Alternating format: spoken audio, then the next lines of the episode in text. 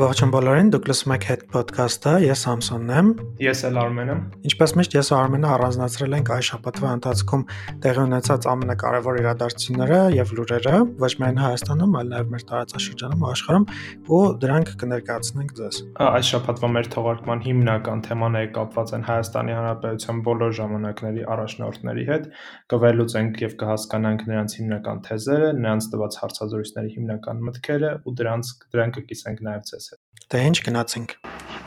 Հետաքնող լրագրողներից Head Podcast։ Եվ եթե սկսենք շաբաթվա ամենակարևոր իրադարձությունից, որ քննարկվում էր ոչ միայն Հայաստանում, մեր տարածաշրջանում, այլ ամբողջ աշխարհում,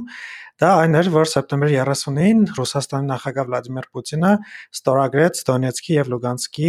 ինքնահռչակ հանրապետությունների, ինչպես նաեւ նոր օկուպացված Խերսոնի եւ Զապորոժիայի մարզերի Ռուսաստանի կազմին միանալու մասին պայմանագրերը։ Այդ պայմանագրերը ստորագրեցին այն բանից հետո, երբ այս մասամբ օկուպացված տարածքներում ռեֆերենդում էր, որը տևեց 7 օր Եվ այդ ռեֆերենդումի արդյունքներում քվեարկածների մեծ մասը որոշեցին միանալ Ռուսաստանի կազմին։ Ռեֆերենդումի մասին մենք խոսել ենք մեր նախորդ թողարկման ժամանակ, դրա համար շատ մանրամասն չենք ներկայացնի, բայց ռեֆերենդումը եղավ եւ այս որոշումը կայացվեց ստորագրության օրը Պուտինը երկար ելույթ ունեցավ, իրականում այդ ելույթը շատ խնդրահարույց ելույթ էր, շատ մանրամասներ չենք ասի այդ ելույթից, որտեղ կարծես թե բոլորը տեսել են բովանդակությանը տեղյակ են, բայց իմ մոտ այնպեսի տպավորություն էր, որ ինքը այդ ելույթով դիմում էր եւ ծայրահեղ աչականներին իր երկրում, ովքեր որ իրեն սատարում են եւ դիմում էր ավտորիտարիզմին դեմ հանդես չեկող արևմուտքում ցախականներին ամեն դեպքում հիմա դեպսի տպավորություններ ու այնքան խառը ելույթեր, այնքան տարբեր խնդրահարույց կետեր կան, որ եթե մենք փորձենք վերլուծել մի ժամ, երկու ժամն էլ չի հերիք է, ամեն դեպքում կարող եք դուք նայել, եթե արդեն չեք նայել, բայց ելույթի հիմնական ուղերձը այն էր, որ Ռուսաստանը կանգ չի առնի, սկսել ենք ու մինչև վերջ պիտի գնանք։ Մոտավորապես այսպեսի ելույթ էր եւ մեծ համերգ էր Կարմիր հրապարակում Մոսկվայում մեծ համերգ էին կազմակերպել եւ մի հետաքրքիր բան որ Ռուսաստանում ձևավորված տարիների տրադիցիան շարունակվեց եւ մարդիկ սոցիալական ցանցերում վիդեոներ են հրապարակում թե ինչպես են ուսանողներին ավտոբուսներով ստիպելով բերել այդ համերգին Կարմիր հրապարակի հետևի մասում սենց մեծ ավտոբուսներ էին շարքերով տասնյակ ավտոբուսներ էին, որոնցով էր բերել էին մարդկանց, հիմնականում դրանք ուսանողներ էին, ինչպես ասացի։ Նաև Doha Journal-ը գնացել էր եւ ռեպորտաժ էր արել, դա տեսա, որ մարդկանց հարցում էին ինչ է եկել, սատարում եք, չեք սատարում պատերազմը։ Իրանք այսպես մեծ մասը ռեպորտաժային մեջ եղած մարդկանց մեծ մասը խոսափողական էին պատասխանում, ինչ որ 10-10 տարեկան երեխաներ էին, կարելի է այսպես ասել։ Մի խոսքով էս Ռուսաստանի մոտ նման շոուները երևի միշտ այսպես են ստացվում։ Հենց այս տարածքները միացան Ռուսաստանին, դարձան Ռուսաստանի սովերեն տարածք, Ուկրաինան հետ գրավեց Լիման քաղաքը եւ այդ Լիման քաղաքը այն տարածքների մեջ էր, օկուպացված տարածքների մեջ էր, որոնք որ միացել էին Ռուսաստանին։ Այսինքն Ռուսաստանը միացնում է իրեն որոշ տարածքներ, որոնք մի օր անց ազատագրվում են ուկրաինական զորքերի կողմից իմ չարից բավականին արագ տեմպերով ուկրաինական զորքերը առաջ են շարժվում որոշ լրատվականների փոխանցմամբ նաև շրջափակել են ռուսական զորքերը, որոնք որ գտնվում են այդ Լիման քաղաքի մոտ եւ այդ զորքերը փախնում են արդեն այս տարածքներից։ Պուտինը այս քայլին գնաց եւ տեսնենք ինչ արդյունքներ կունենա։ Բայց շատ խնդալու է որ տարածքները մտնում են Ռուսաստանի կազմի մեջ նույն գիշերը հաջորդ օրը ազատագրվում են Լիմանն առաջինը որոշեց լքել Ռուսաստանի կազմը ու դա ուկրաինական եւ ուկրաինամետ բոլոր օկտատերը դա տարածում են ու շատ խնդալու էր բայց իրականում հանուն արդարության պետք է ասել որ Ուկրաինայի հակահարձակումը սկսվել է սեպտեմբերի սկզբից այն բանից հետո երբ որ ամերիկյան լենդ-լիզը շատ արագ տեմպերով սկսեց գործել ամերիկյան սպառազինությունը սկսեց հասնել, իսկ հասնել Ուկրաինա, իսկ Լիմանի գործողությունը շարունակվում է շուրջ 1 շաբաթ, ինչը որոշակիորեն այսպես ասած համընկավ նաև այդ հանրակրվեների հետ, որովհետև Ուկրաինան շատ արագ տեմպերով գրեթե ամբողջությամբ հետ գրավեց Խարկովի մարզը եւ արդեն հասավ դեպի Լիման։ Լիմանը ես ուզում եմ հիշեցնել, որ ինքը գտնվում է Դոնեցկի մարզում եւ ավելի շուտ էր ինքը գրավել, քան շատ ու շատ այլ բնակավայրեր, որոնք դեռևս գտնվում են ռուսական օկուպացիայի տակ։ Ինքը Դոնեցկի հյուսիսում է գտնվում եւ շատ կարեւոր ռազմավարական նշանակություն ունի, որովհետեւ գտնվում է 3 մարզերի անմիջական այսպես սահմանի մոտ։ Մի ինքը Դոնեցկի տարածքում, բայց հարևանությամբ գտնվում են նաեւ Լուգանսկի մարզը եւ Խարկովի մարզը, բացի այդ ինքը նաեւ շատ կարեւոր ճանապարհային հանգույց է եւ սա ռազմավարական շատ մեծ առավելություն է տալիս ուկրաինացիներին Դոնբասում իր հետագա մարտերը ակտիվացնելու եւ իրականացնելու համար։ Իդեպ մենք ստանում ենք նաեւ տեղեկատվություն, որ եւս մեկ շրջափակման մեջ կարող են հայտնվել ոչ միայն լիմանում գտնվողները, որոնք արդեն մեծ մասը կամ զոհվել է կամ նահանջել է խոսքը ռուսական զինուժի մասին այլ նաև Խերսոնի հյուսիսում, որովհետև Ուկրաինան շատ մեծ տանկային հարձակում է սկսել Խերսոնի հյուսիսում եւ արդեն որոշակի գյուղական բնակավայրի մասին տեղեկություններ կան, որ այս պայթրությամբ Ուկրաինան կարողացել է ազատագրել։ Եվ մեկ այլ, այսպես ասած, փորձագետներն են հայտնում, որ մեկ այլ հարձակում էլ առաջիկա օրերին սպասում է Զապորոժեի մարզի կենտրոնում, որտեղ Զապորոժեի մարզը իրականում ի տարբերություն շատ այլ մարզերի կիսով չափ օկուպացված։ Հյուսիսային հատվածը եւ Զապորոժե քաղաքը գտնվում են ուկրաինական վերահսկողության տակ, իսկ հարավը դեպի արդեն Ծով, Մելիտոպոլ, դրանք գտնվում են արդեն ռուսաների օկուպացիայի ներքո։ Նաեւ ասենք, որ ուկրաինական զինուժի դուխը, ասենց ասենք, դուխը լավ տեղն է, մանավանդ որ անընդհատ օգնություն են ստանում։ Հոկտեմբերի 1-ին Ջո Բայդենը հավանություն տվեց մի ծրագրի, որով Ամերիկան 12.4 միլիարդ դոլարի չափով արտակարգ օգնության փաթեթ կտրամադրի Ուկրաինայում եւ այս օգնությունը, այս ամբողջ գումարը գիտենք, որ զենք, զինամթերք եւ ռազմական գործողություններ շարունակելու հնարավորություն են տալիս Ուկրաինային։ Սա արդեն թվով անկեղծ ասած չեմ էլ հիշում, որ նման խոշոր փաթեթն է եւ ոչ միայն գումարի տեսքով, այլ նաեւ զենքի տեսքով, այնպես որ Ուկրաինան, ինչպես Զելենսկին ասել էր, հստակ մտադիր է մինչև ծմեր փորձել ահագին տարածքներ գրավել եւ միգուցե սառեցնել ծմերվա ամիսներին Ամ դեպքում տեսնենք ինչ կլինի։ Մենք հետևում ենք Ուկրաինայում տեղի ունեցող իրադարձություններին եւ ձեզ գրեթե ամեն շաբաթ ասում ենք, թե ինչ է տեղի ունենում երբ ռեֆերենդումների, այսպես ասած, հայտարարությունը եղավ եւ այն հայտնի շատերը դա բնորոշում են որպես մանկապարտեզի հանդես, երբ որ այդ օկուպացված տարածքների ղեկավարները Պուտինի հետ ձեռքերը իրար դրած բղավում էին Ռուսաստան, Վլադիմիր Զելենսկին հայտարարեց, որ Ուկրաինան պաշտոնապես դիմում է արագընթաց կարգով ՆԱՏՕ-ին անդամակցության եւ սա շատ լայն քննարկումների առաջ կանգնեցրեց արևմուտքում բացի այդ պոլիտիկոն գրում էր որ անգամ Բայդենի վարչակազմը եւ դեմոկրատական կուսակցությունը գաղափար չեն ունեցել Զելենսկու նման հայտարարության վերաբերյալ միջև այդ հայտարարության իրականացումը բայց այսօր պարզ դարձավ որ ՆԱՏՕ-ի անդամ 9 պետություններ այդ թվում հարևան երկրները Ուկրաինայի դրանց թվում են Ռումինիան, Լեհաստանը, Սլովակիան, Հյուսիսային Մակեդոնիան եւ այլն թվով 9 երկրներ հայտարարել են, որ իրենք աջակցում են արագացված ընթացակարգով Ուկրաինայի ՆԱՏՕ-ին անդամակցության։ Իհարկե եւ Պենտագոնը եւ ՆԱՏՕ-ի գլխավոր քարտուղար Յենս Ստոլթենբերգը հայտարարել են, որ կոնսենսուսի ճանապարհով պետք է այս հարցը լուծվի, այսինքն բոլոր անդամ երկրները պետք է իրենց համաձայնությունը տան, բայց այստեղ ակնկալելի է, որ մեծ պետությունները, դրանց թվում են Միացյալ Նահանգները, Ֆրանսիան, Գերմանիան, Մեծ Բրիտանիան մի քիչ չէ, որտեղ Մեծ Բրիտանիան հավանաբար կողմ կլինի արագանցված կարգով Ուկրաինայի անդամակցության, բայց ամեն դեպքում Բրիտանիան, ներողություն, Գերմանիան, Ֆրանսիան եւ Միացյալ Նահանգները դեռևս որոշակ, ինչու՞ չէ նաև Թուրքիան որոշակիորեն կարող են դեռևս խուսափել անմիջապես իրենց աջակցությունը հայտնել Ուկրաինայի ՆԱՏՕ-ի անդամակցությանը եւ դժվար թե առաջիկա գոնե ամիսների ընթացքում Ուկրաին մենք տեսնենք Հյուսատլանտյան դաշինքի կազմում Ուկրաինան բայց ամեն դեպքում Ուկրաինան այս պահի դրությամբ բավական մեծ շանսեր ունի անդամակցելու իսկ եթե հանկարծ Ուկրաինան անդամակցի ՆԱՏՕ-ին, երրորդ համաշխարհային պատերազմը միանգամայն ակնհայտ է, որովհետև դա նշանակում է, որ եթե Ուկրաինան անդամակցում է, դա ենթադրում է եւ Ռուսաստանը պատերազմ է վարում ամբողջ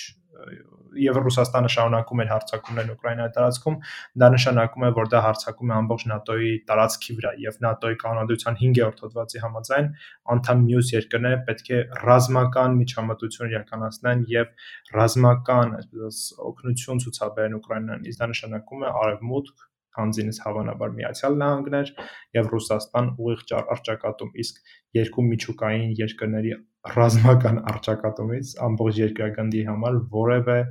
լավ բան սпасելի չէ։ Հուսանք իհարկե դրան չի հասնի, բայց նույնիսկ եթե դրան էլ չհասնի, Պուտինը իր ելույթում սպառնում էր, որ իրենք ունեն ատոմային ռումբ։ Այնպես որ նույնիսկ եթե դրան չհասնի, վտանգը կա, որ Պուտինը կօգտագործի ինչ-որ բայ ատոմային ռումբ, իրոք լուրջ է վտանգը։ Պուտինի դեպքում երբեք չգիտես ինչ որոշում կկայացնի։ Բայց արի փորձենք մի քիչ լավատես լինել եւ հուսալ որ որ Պուտինը զուտ միայն հայտարարություններ անելու համար է միջուկային զենք արտահայտությունն օգտագործում, զուտ միայն դրա համար։ Այո, Պուտինը չանես։ Ինչպես թողարկման սկզբում նշեցի, մեր այս ոդքասթն առավել շատ նվիրված է լինելու Հայաստանի տարբեր ժամանակների առաջնորդների հայտարարություններին եւ ասուլիսներին։ Այս շաբաթը բավականին հագեցած էր դրանով։ Նախ շաբաթվա սկզբում հայտ հարցազրույց տվեց հանրային հեռուստաընկերությանը Լևոն Տեր-Պետրոսյանը, հետո սեպտեմբերի 28-ին ասուլիս տվեց երկրորդ նախագահ Ռոբերտ Քոչարյանը, երրորդ նախագահ Սերժ Սարգսյանը հարցազրույց եւ ասուլիս չտվեց, բայց նրա գրասենյակը հայտարարություն տարածեց, որն անդրադառնում էր կաթողիկոսի հետ հանդիպմանը Հայաստանի բոլոր եւ Արցախի բոլոր առաջնորդների բացառությամբ Արմեն Սարգսյանի։ Նիկոլ Փաշինյանն էլ եւս իր հերթին շաբաթվա վերջում արդեն ոնց որ sense ամփոփեց բոլորի ասուլիսը եւ հարցազրույցը եւ ինքը եւս հանրային հերոստանգերությանը հարցազրույց տես։ Հանրային հերոստանգերությունը դարձել է բոլորի կապող օղակը, բայց սակայն բոլորը միտեղ չեն հավաքում, որ սկսեն իրար հետ քննարկել, թե այս երկրում ընդհանրապես ինչ է կատարվում։ Բայց ինչևէ, մեր նախորդ Արմեն, գնաս մի բան ասեմ, ես անընդհատ սպասում էի Սերժի հարցազրույցին, մտածում էի Սերժ Սարգսյանը երբ այս ամեն ինչին անդրադառնալու իր ասելիքը ասելու, բայց փաստորեն չասեց, մտածում եմ միգուցե եկող շաբաթվա մեջ փորձի ինչ որ բաներ ասել կամ հարցազրույց տալ կամ ասուլիս կազմակերպել, բայց ված չէր լինի, որ 4-ին էլ լսենք, հասկանայինք ամեն մեկը ինչ տեսակետ ունի։ Իրականում ես խիստ կասկածում եմ, որ Սերժ Սարգսյանը հարցազրույց է տալու զուտ իր հաշվի առնելով իր բնավորության գծերը, իր, չգիտեմ, մոտեցումները տարբեր հարցերի շուրջ։ Ինքը, եթե ուշադիր լինես, ինքը եւ պաշտոնավարման ընթացքում էլ միշտ խուսափել է հարցազրույցներ տալուց։ Հարցազրույցը դա Սերժ Սարգսյանի նախընտրելի ֆորմատը չի, նաեւ ասուլիսի նախընտրելի ֆորմատը չի։ Ինքը միշտ խուսափում է նման ֆորմատներից որովհետև կարող է լինել հարցեր այնտեղ, որ ինքը հաճելի չլինի իրեն պատասխանել։ Սովորաբար ինքը խուսափում է նման բանից։ Նիկոլ Փաշինյանի պարագայում, եթե սկզբում ինքը օրինակ սիրում էր դա տալ, սիրում էր հասուլիսներ, հարցազրույցներ տալ, հիմա միայն մեկ հեռուստաընկերությանը հարց տալիս եւ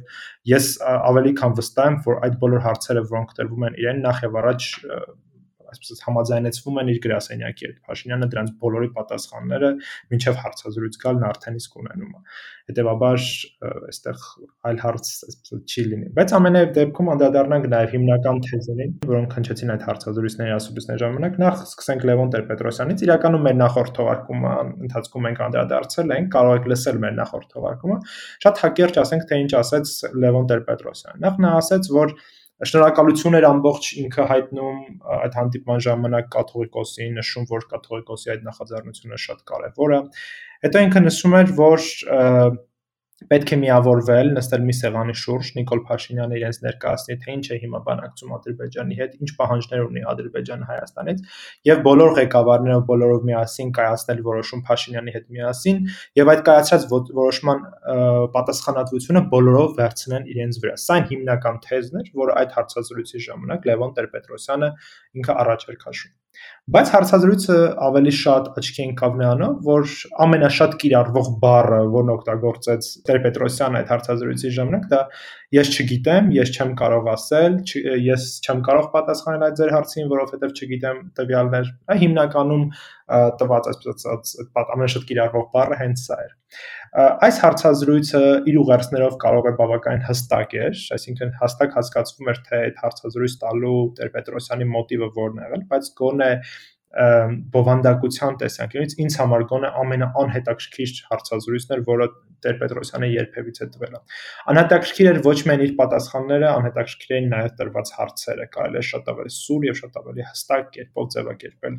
այդ հարցերից մոտ այնպես տպավորություն էր, որ Պետրոս Ղազանի հիմնական ուշադրությունը այդ հանդիպման վրա էր, ուզում էր հասկանալ թե հանդիպման մասնակիցներն ինչ ունեին, բայց ամեն դեպքում Հայաստանի Հանրապետության համար օրհասական հարցերին շատ քիչ էր անդրադարձ կատարվում նաև իրար մեջ հակասող բաներ ասես Լևոն Տեր-Պետրոսյանը, հա, օրինակ ինքը անդադ պնդում էր հարցազրույցի ընթացքում, որ ոչ ոք բացի մի քանի հոգուց ամբողջական ինֆորմացիան չունի, տեղեկատվությունը չենք տիրապետում, չգիտենք Փաշինյանը ինչ է բանակցում, ընդհանրապես չգիտենք Ադրբեջանը ինչ է ուզում, բայց հետո մի քանի րոպե անց ասում է, որ պիտի ստորագրվի, հա,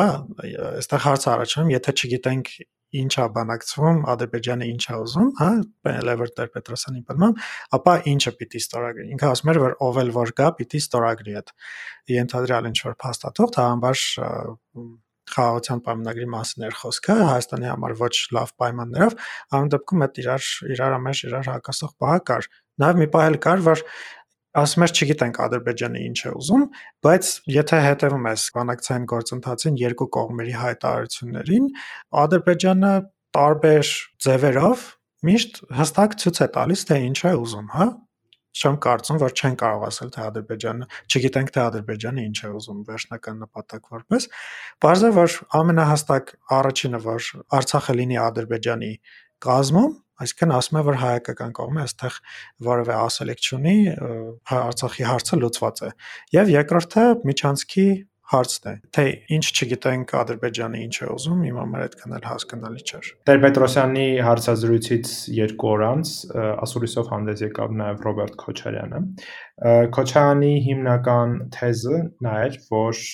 Հայաստան-Ադրբեջան հարաբերությունների կարգավորման գործընթացում Արցախի թեման բացակայում է եւ հիմա Հայաստանն ու Ադրբեջանը կարծես թե այլևս չեն դիտարկում Արցախի հարցը, քանի որ Հայաստանը իր ձեռքերը լվացել է եւ ընդունել է, որ Արցախը պետք է լինի Ադրբեջանի կազմում։ Հայաստան-Ադրբեջան հակամարտության հիմքը Արցախն էր, ըստ երկրորդ նախագահի եւ ինքը չի պատկերացնում, թե ինչպես կարող են կարգավորվել հայ-ադրբեջանական հարաբերությունները առանց Արցախի հարցը քննարկելու։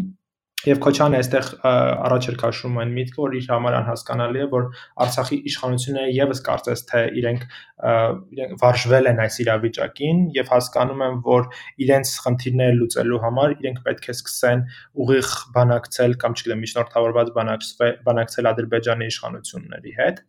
Քոչյանը նաեւ առաջ էր քաշում այն միտքը, որ այս ամենում ըստ իրեն դրական գործընթացը միայն այն է, որ հայ ժողովրդի 95%-ը չի պատկերացնում Արցախը Ադրբեջանի կազմում, սակայն միևնույն ժամանակ չի պայքարում դրա դեմ, քանի որ հավատում է իշխանությունների հավաստիացումներին։ Որոշ այսպես ակնարկեց նաև Քոչարյանը կամ այշուտ Քոչյանը նաև որոշակիորեն պատասխանեց Լևոն Տեր-Պետրոսյանի այն առաջարկին, որ պետք է միավորվել եւ Փաշինյանի հետ քննարկել արկա իրավիճակը հետեւյալ նախադասությամբ Քոչյանը անդրադարձավ կոնսոլիդացիան абստրակտ չի լինում, օդի մեջ կախված չի լինում։ Սովորաբար կոնսոլիդացիան լինում է բարձր նպատակների հասնելու համար։ Հիմա մտքեր են հնչում, թե միավորվենք, որօգնենք ծանր որոշում կայացնել։ Գիտեք, կոնսոլիդացիան իրականացնում են ժողովրդին հաղթանակի մղելու համար, կապիտուլյացիայի համար կոնսոլիդացիայի կարիք չկա, ընդհակառակը դրա համար դեկոնսոլիդացիա է անհրաժեշտ Ես ամեն դեպքում Քոչանի սկզբնական մտքի հետ համաձայն եմ, բայց դեկոնսոլիդացիա հետ երբեք համաձայն չեմ, որովհետև դեկոնսոլիդացիա նշանակում է բնակչության եւ ազգի պարակտում, իսկ տվյալ պարագայում, երբ որ Հայաստանի Հանրապետությունը կախված է ծայրահեղ գտնում է ծայրահեղ իրավիճակում, ֆիզիկական անվտանգության եւ երկրի հետագա գոյություն, գոյության չգոյության հետ կապված դեկոնսոլիդացիայի ցանկացած երևույթ միմիայն ավելի է թույլատնելու Հայաստանի Հանրապետությանը Ինքը Արմեն հենց այդ էր ասում, որ ներկայ իշխանությունները փորձում են դեկոնսոլիդացիա անել հասարակությանը, որ այդ որոշումը ստորագրեն, այսինքն ինքը ավելի շատ քննադատում էր էլի այդ Դե բայց իր այդ հայտարարությունից եւս դեկոնսոլիդացիայի, այսպես ասած, կոչեր իր հայտարարությունը նման տեսանկյունից։ Եվ այստեղ նաև անդրադարձ էր ինքը կատարում նաև հապկին, թե ինչու Ռուսաստանը եւ հապկը չպաշտպանեցին սեպտեմբերյան այդ մարտերի ժամանակ Հայաստանի Հանրապետությանը։ Ինքը ասում էր, որ Հայաստանը գտնում է անվտանգային խորը ճգնաժամի մեջ եւ այս իշխանություններն իրենց գործողություններով, իրենց արտաքին քաղաքականությամբ չկարողացան այնպես անել, որ ՀԱՊԿ-ը պաշտպանի Հայաստանի պետությանը։ Իր ընդդիմությունը ակնհայտ է, որ իրանք պաշտպանում են տվյալ պարագայում այն թեզը, որ դու ձեր արտաքին քաղաքականությունն է մեղավոր որ ՀԱՊԿ-ը Հայաստանին չի օգնում, բայց որևէ կերպ իրենք անդրադարձ չեն կատարում ՀԱՊԿ-ի պարտավորություններին, որովհետև որքան իշխանությունն է իհարկե պատասխանատու է ամեն ինչի համար, բայց իր պատասխանատվության չափ ունի նաև ընդդիմությունը եւ իր գործողություններով նա եւս պետք է նպաստի արտաքին ակտորներին, հատկապես նրանք, որոնք անմիջական են քո անվտանգության համար պատասխանատու են, սկսելու գործել։ Ընդդիմությունը Հայաստանի որևէ քայլ այս ուղությամբ չի անում։ Այնտեղ հարց հնչեց Քոչարյանին ՀԱՊԿ-ի վերաբերյալ ու ինքը ասաց, որ մենք բոլորս շատ լավ հասկանում ենք, որ ՀԱՊԿ-ից ռազմական օգնություն Հայաստանը չի ստանա, ասում էր, որ Ռուսաստանը կփորձի այս սրվածությունը, լարվածությունը կանգնեցնել, բայց միայն քաղաքական դիվանագիտական միջոցներով ու մի այսպեսի բան ասաց, որ հետո էլի հարց տվեցին ու ինքը մի այսպեսի բան ասաց, որ Հայաստանը պիտի փորձի շատ ավելի երանդուն համոզի ՀԱՊԿ-ին եւ համոզի Ռուսաստանին, որ մեզ օգնություն ցուցաբերեն, չգիտեմ, մնացած առումներով կարծում եմ բավականին ռեալ էր գնահատում իրավիճակը, հա, բայց այս առումով էլ հարց է առաջանում, թե Հայաստանը էլ ինչ անի, որ ՀԱՊԿ-ը Հայաստանին օգնի կամ Ռուսաստանը Հայաստանի հանդեպ ունեցած պարտավորվածությունները կատարի, այս հարցը մնաց օթի մեջ իրականում։ Եվ երեք ուղություններ Քոչարյանը առաջ քաշում, որոնք հնարավոր է այս իրավիճակից Հայաստանի Հանրապետությունը դուրս բերեն, դա հասարակության կոնսոլիդացիան է, բանակում իրական ռեֆորմների իրականացումն է եւ Հայաստանի Հանրապետության անվտանգության ճարտարապետության փոփոխությունը։ Հետաքրքիր է, որ այս երեք ուղությունների մասին խոսելուց, մասնավորապես երրորդի մասին խոսելուց, Հայաստանի անվտանգության ճարտարապետության փոփոխություն, Քոչարյանը ավելի շատ շեշտը դրեց Իրանի հետ ռազմական հարաբերությունների զարգացման վրա ու իր ասելով առաջարկ է եղել ու նման պլաններ են եղել, որպեսզի Հայաստանի եւ Իրանի միջև տեղի ունենան ռազմական զորավարժություններ Սյունիքում, որպեսզի Իրանը ցույց տա, որ չեն հանդուրժի Սյունիքի սահմանների փոփոխությունը, Հայաստանն էլ դրանով փորձեր ինչ-որ ուժ ցույց տար, բայց իր ասելով հայկական կողմը այդ պլանները, այդ պայմանավորվածությունը ինչ որ բայ սառեցրել է, իրական չգիտեմ որտեղից այս տեղեկատվությունը Քոչարյանին որքանով է համապատասխանում իրականությանը, բայց երբ որ ինքը ասում էր, որ մենք պետք է փորձենք իրավիճակից ելքեր գտնենք, ինքը շատ մեծ շեշտ դրեց Պարսկաստանի հետ համագործակցության վրա եւ ասում էր, որ Հայաստանը ուզած թե չուզած պետք է կոմպլեմենտար քաղաքականություն վարի, եթե Պարսկաստանի հետ այս գործողությունները դուրս չգան արևմուտքին եւ բնականաբար դուրս չեն գա, ինքը ասում էր, որ մենք կարող ենք ասել, որ դե դուք օգնություն չեք տալիս, մենք էլ ստիպված համագործակցում ենք ավելի շատ Պարսկաստանի հետ։ Ավելի շատ խոսեց Պարսկաստանի հետ այս ռազմական ինչ որ հնարավորությունների մասին, քան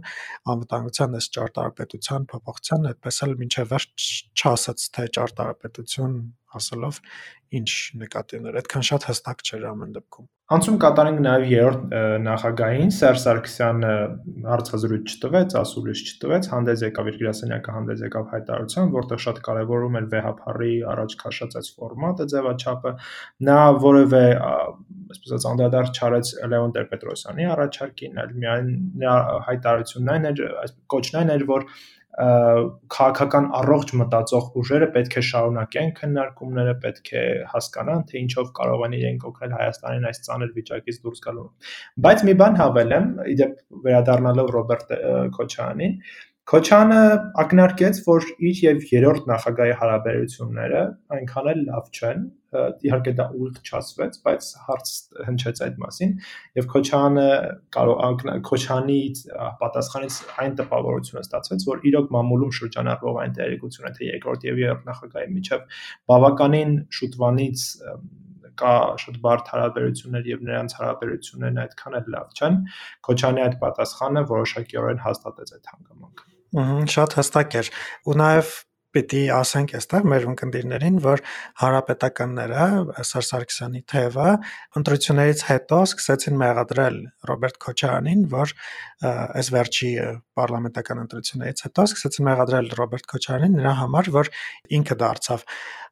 շարժման առաջին դեմքը, ինչն էլ խանգարեց, որպեսզի նրանք շատ ավելի մեծ հաջողություններ ունենան։ Այսինքն Սերժ Սարգս հանրապետական թվը այսպեսի կարծիք ունի ու իրենց կարծիքով եթե Քոչարյանը հրաժարվեր իր այդ անձնական ամբիցիաներից ընդդիմության շարժումը գլխավորելու հնարավոր է ընդդիմությունը շատ ավելի մեծ շանսեր ունենար հաշվի առնելով Ռոբերտ Քոչարյանի հանդեպ հասարակությունում եղած հակակրանքը, այսպես ասենք։ Ինչպես ասում են, մեր երկրում ամեն ինչ հնարավոր է։ Եվ ամփոփելինք շփաթը քաղաքական տեսանկյունից, իսկ ամփոփողը վարչապետ Նիկոլ Փաշինյանն էր, նաև հանրային հեռուստաընկերությանը հարցազրույց տվեց ուրբաթ օրը սեպտեմբերի 30-ին։ Փաշինյանը նախ սկզբում անդրադարձավ սեպտեմբերյան բախումներին, նա նշեց նա պատասխանեց այն հարցին, թե ինչու պաշտպանության նախարարությունը այլևս չի հրապարակում այն զինծառայողների անունները, որոնք զոհվել են մարտերի ժամանակ։ Փաշինյանի խոսքով հաշվի առնելով 44-օրյա պատերազմի այդ դասերը, իրենք որոշել են, որ ինստիտուցիոնալ եղանակով պետք է իրականացնեն, նրանք հայտնում են թիվը, ծնողներին կամ հարազատներին զոհվածների տեղեկացնում են նրանց զոհվելու մասին եւ համապատասխան կառույցները, ովքեր պետք է իրավասու լինեն այդ տեղեկատվությունը ունենալու, որոշակիորեն նրանք տրամադրում են այդ տեղեկատվությունը նրանց։ Այս տեսանկյունից ես մի փոքր կիսում եմ սա իրական, որովհետև զոհերի անունների հրապարակումը սա այս էմոցիոնալ, շատ լրացուցիչ ազդակ էր հաղորդում այս ամեն ինչին։ Իհարկե զոհերի հանգամանքը, զոհերի մասին նորությունները լրացու իրենք ապահովում են էմոցիոնալ դաշտ հասարակության շրջանում նրանց անունների հրապարակումը նկարների հրապարակումը տարբեր գրառումներ նրա մասին կրկնապատկում պատկում են էմոցիոնալ ծանր վիճակը, որը առկա է հասարակության մեջ։ Ես կարծում եմ, որ ամեն դեպքում այս որոշումը բավականին ճիշտ էր։ Հաջորդ կարևորագույն թեման վերաբերում էր բանակցային գործընթացին ընդհանրապես եւ ինչ շրջանակներ են տիրապետում այն բանակցություններին, որոնք այսօր ընթանում են Հայաստան եւ Ադրբեջանի միջեւ։ Այստեղ Փաշինյանը որոշակիորեն հակադարձեց Լևոն Տեր-Պետրոսյանին։ Տեր-Պետրոսյանն ասում էր, որ շատ քիչ թվով մարդիկ են տեղյակ դրա մասին, անգամ Փաշինյանի մտերիմ համախոհները դրա մասին տեղյակ չեն։ Փաշինյանի խոսքով բավականին մեծ թվով մարդիկ են տեղյակ այդ մասին նախ քաղաքացիական պայմանագիր խմբակցությունն է տեղյակ, անվտանգության խորհուրդն է տեղյակ, ի պաշտոն է։ Նա նշեց, որ Արցախի իշխանություններն են տեղյակ եւ Արցախի իշխանություններն իրենց հերթին այդ ամբողջ գործընթացը կիսում են նաեւ ներկա եւ նախկին պաշտոնյաների հետ, որոնք Արցախում որոշումների կայացման գործընթացի վրա ազդելու բավականին մեծ շանսեր ու հնարավորություններ ունեն։ Բացի այդ, ըստ Փաշինյանի ցանկացած որոշում, ցանկացած հարց, որը բանակցությունում քննարկվում է, ինքը միշտ համաձայնեցնում է դա Արցախի իշխանությունների հետ եւ բացի այդ նաեւ որոշակի այսպես ասած կպավ ինքը Տեր Պետրոսյանին, որովհետեւ ասաց, որ ժամանակին գիտեք որ արտախորհրդանական ուժերի ձևաչափով հանդիպումներ է ունենում Փաշինյանը եւ իրենք իր խոսքով իրենք հայազգային կոնգրեսին եւս հրավիրել են մասնակցելու Տեր Պետրոսյանը եւ նրա համախոհները հրաժարվել են այդ հանդիպումներից, ըստ Փաշինյանի եթե նրանք գային, նրանք եւս կիմանային թե ինչ է այդտեղ քննարկվում։ Իրականում ես էլ համա համամիջեմ Լևոն Տեր-Պետրոսյանի հետ այս առումով, որովհետև եթե համատենք, ասենք Սերժ Սարգսյանի կամ Ռոբերտ Քոչարյանի ժամանակ, որ ընդհանրապես գրեթե ոչ մի տեղեկություն չկար, թե կողմերը ինչ են բանակցում, եթե համատենք, հիմա կարծում եմ եւ իշխանությունները եւ ընդհանրապես ընդհանուր առմամբ տեղեկությունը շատ ավելի շատ է եւ մարդիկ եթե ուզեն կարող են տեղեկացված լինել եւ հասկանալ բանակցություններին հետևել։ Դրա համար իմ համար էլ էր մի քիչ անհասկանալ, ես չեմ կարծում, որ Փաշինյանը մենակ ինքը գիտի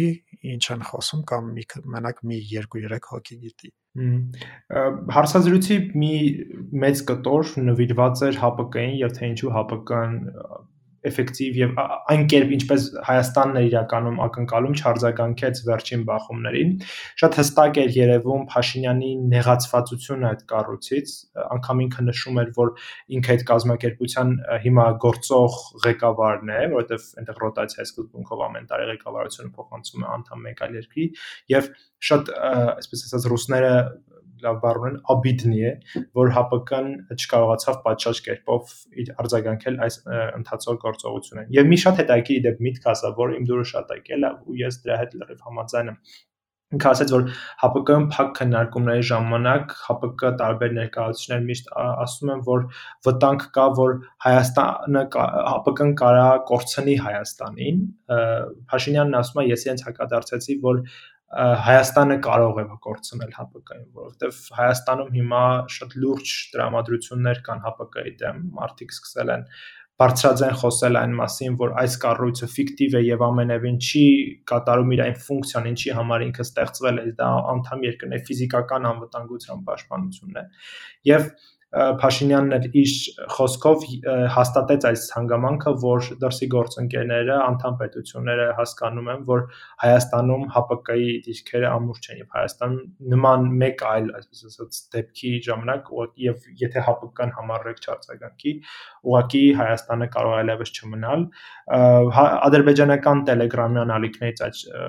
շարժումը սկսվեց, նրանք fake լուր տարածեցին, թե իբր Փաշինյանը ինքը հայտարարել է, որ եթե մինչև 2023 թվականի փետրվարը ՀՊԿ-ն գործուն քայլեր չձեռնարկի, ապա Հայաստանը դուրս է գալու ՀՊԿ կազմից իհարկե նման հայտարարություն Փաշինյանը չէր արել, այլ ավելի շատ ինքը խոսում էր ՀՊԿ-ից եւ դրա դերին վերաբերյալ, ինչու Հայաստանը կարող է կորցնել ՀՊԿ-ի նկատմամբ հավատը երկու շատ կարևոր ուղերձ, որը հնչեցրեց Փաշինյանը, մեկը այն էր, որ Միսկի խմբի համանախագահ երկրները Ռուսաստանի, Եվրամիությունը եւ ԱՄՆ-ը պատրաստ չեն ճանաչել Ղարաբաղի անկախությունը, մեկ եւ պատրաստ չեն ճանաչել Ղարաբաղը որպես Հայաստանի մաս։ Սա հստակ է հստակեցվեց Փաշինյանը եւ երկրորդը կապված էր այն խոսակցություններին, որ առաջիկայում Պրահայում հնարավոր է հանդիպեն Թուրքիայի նախագահն ու Հայաստանի վարչապետը Փաշինյանը հայտարարեց, որ չի հաստատում եւ չի բացառում, որովհետեւ վերջնական դեռևս պայմանավորվածություն չկա։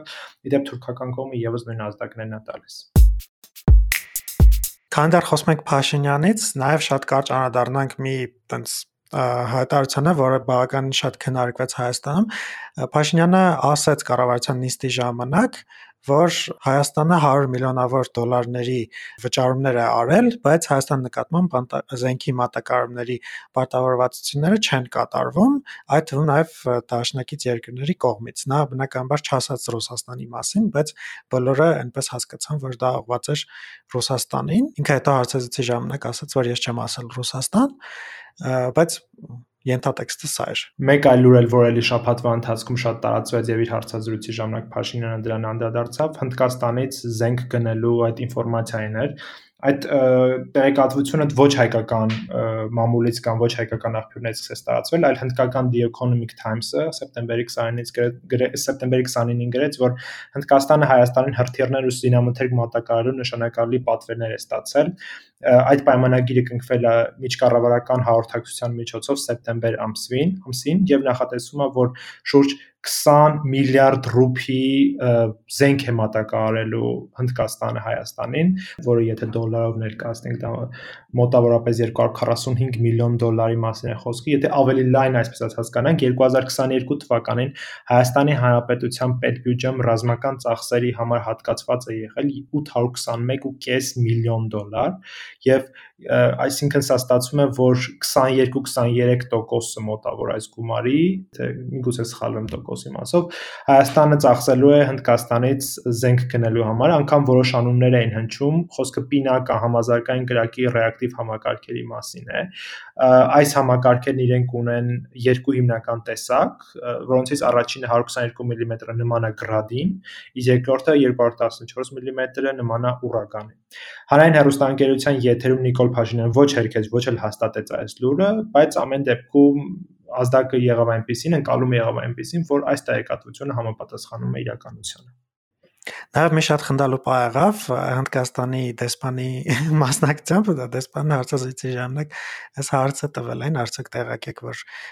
Հնդկաստանը զենք կտրամադրի Հայաստանին, ինքը ասել էր, ես անկեղծ ասած զարմացած եմ այս տեղեկատվությամբ եւ չգիտեմ, այսպես այս ֆոնին շատ խնդալու էր, բոլորը այդ քննարկում էին։ Եվ մի բան էլ նշեմ, որ Պինակա այդ համազարգային գրակի ռեակտիվ համակարգերը հնդկական աղբյուրները նշում են, որ այս բանը դա գործում է միմիայն Հնդկաստանի զինված ուժեմ եւ Հայաստանն առաջին երկիրն է դառնալու, որտեղ հնդիկները արտահանելու են իրենց այդ ռեակտիվ համակարգերը։ Եվ թողարկման վերջում անդրադառնանք երկու կարճ լուրերի, դրանցից առաջինը կապված է հայ-ադրբեջանական բանակցությունների հետ, բայց այս անգամ Երակոմ աշխատանքային խմբի, որը գլխավորում են երեք երկրների փոխվարչապետները, Ռուսաստանի փոխվարչապետ Ալեքսեյ Օվերչուկը Ռոսիյսկայա գազետային տված հարցազրույցում հայտարարել է, որ Մոսկվան, Բաքուն եւ Երևանը Երակոմ աշխատանքային խմբի շրջանակներում չեն քննարկում Անդերկովկասում արտատարածքային միջանցքի ստեղծման հարցը, որը կարող է խարխլել կողմերից որևէ մեկի ինքնավարության։ Ինչ է սա նշանակում։ Ռուսաստանի փոխվարչապետը հերքում է ադրբեջանական ամբողջ establishment-ի այն հայտարարությունները, որ պետք է կողմերը քննարկում են Զանգեզուրի միջանցքի բացման հարցը Հայաստանը բազմից հայտարարել որ իրենք դեմ են միջանցք հասկացության, իրենք կողմ են ճանապարհների երկու երկրների ավասության ներքո գտնվող ճանապարհների հարցի քննարկմանը, եւ Ռուսաստանը փաստացի հայտարարում է, որ իրենք եւս որևէ միջանցքի կողմ չեն։ Օվերչուկի խոսքով ճանապարհի նկատմամբ ինքնավարությունն իրականացվում է այն երկրի կողմից, որի տարածքով անցնում է ճանապարհը, սա նշանակում է, որ եթե ճանապարհն անցնում է հայկական տարածքով, ապա դա հայկական ճանապարհ է եւ եթե ադրբեջանական, ադրբեջանական ճանապարհ է։ Փաստացի այս գոնե ֆորմատով որևէ միջանցքի հարց ըստ ռուս պաշտոնյայի չի քննարկվում, այլ քննարկվում է միայն երկու երկրների իրավասության ներքո գտնվող ճանապարհների բացման հարց, որտեղ օրինակ հայկական սահմանին կանգնած կլինեն հայ մաքսայինները եւ հայ սահմանապահները, իսկ ադրբեջանական հատվածում ադրբեջանցիները սեպտեմբերի 30-ին Բաքվում ցույցեր եղան, ավելի ճիշտ է ցույցերը ոստիկանության կողմից շատ բիրտ ուժի կիրառմամբ ծրվեցին եւ մարդիկ հավաքվել էին ցույց անելու ֆորմալ պատճառը այն էր որ Ադրբեջանում ընդունեցին քաղաքական կուսակցությունների մասին նոր օրենքը ըստ որի ավելի սահմանափակվում է քաղաքական կուսակցությունների միջոցով Ալիևի դիկտատորային ինչ որ ձև դիմադրելու հարցը շատ մանրամասն չասենք, բայց օրինակ օրենքի կետերից մեկը այն է, որ եթե նախկինում քաղաքական կուսակցություն ստեղծելու համար անդամների թիվը 1000-ը կարող էր լինել, հիմա դա փոխել են, սարքել են մինիմում 10000 եւ կուսակցության բոլոր անդամների անունները, ազգանունները, տվյալները հասցեն հեռախոսի համարը պիտի տրամադրվի պետությանը։ Հիմնովին փորձում է Ալիևը սահմանափակել ցանկացած փորձ ընդդիմության ձևավորելու եւ մարդկանց շատ վատ ձևերով ցրեցին, այնտեղ մի կին կար, որի ոդկը պրոթեզ էր ու ոստիկանները ուղակի տենց այդ կնոջը վերցրեցին եւ ձերբակալելու այդ բերման ենթարկելու ժամանակ այդ կնոջ ոդկը այդ պրոթեզը ուղակի փոկվեց ընկավ այնտեղ տարեց մարդիկ շատ կային որ երիտասարդ ոստիկանները գալիս էին ուղղակի sense գրկելով տանում գցում էին մեքենայի մեջ բառացիորեն սոցիալական ցանցերում այդ վիդեոները շատ տարածվեցին մի խոսքով կլասիկ Ալիևյան ոճով ծրեցին այդ ցույցը որը նույնիսկ չերել սկսվել հաստրել սկսվել այսինքն մարդիկ հենց հենց ուզում էին հավաքվել այդ միանգամից ոստիկանները եկան ծրեցին։ Ու ընդհանրապես ինչի համար ենք մենք ինչի համար ենք մենք սրա մասին ասում, որ եթե Ալիևը թքած ունի իր իսկ քաղաքացիների վրա, հենց Ադրբեջանի քաղաքացիների վրա, ապա պատկերացնում եք ինչ կկատարվի հայերի հետ, եթե, հա, ինչ որ իրավիճակ ստեղծվի, որ հայերի անվտանգությունը որևէ խաղապահ միսիա չկարողանա ապահովել, հա, այսինքն այնտեղից բնականաբար նախ հայերը ոչ ոք չի մնա Արցախում Երկրորդն էլ չնայած նրան, որ իրենք անընդհատ ասում են, որ դա Ադրբեջանի քաղաքացիներ են, ավտագության երաշխիքներ են տալիս եւ այլն, թոզ են փչում, հա, այսպես ասած, հստակ երևում է, որ նույնիսկ իրենց երկրում իրենք թքած ունեն իրենց քաղաքացիների վրա, այլ որ մնաց ազգությամբ հայերի վրա, արցախցիների վրա, որոնց որ իրենք փորձում են անդադ համոզել, թե մնացեք կլինեք Ադրբեջանի լիարժեք քաղաքացիներ, այսինքն լրիվ հեքիաթներ են սրանք։ Դե ինչ այս շաբաթվա կարևոր իրադարձությունների լուրերը այսքանն էին։ Շատ շնորհակալ ենք, որ լսեցիք մինչև վերջ։ Խնդրում ենք տարածեք այս թողարկումը։ Կարող եք նաև մեզ լսել podcast լսելու տարբեր հավելվածներում, կանք Spotify-ում, Apple Podcast, Google Podcast, դրա համար ցանկացած հարմար հավելվածում կանք։ Շնորհակալ ենք, որ վերջին րոպեներն անց եք կացնում մեզ հետ։ Մաղթում ենք ձեզ արդյունավետ աշխատանքային շաբաթ։ Հաջողություն։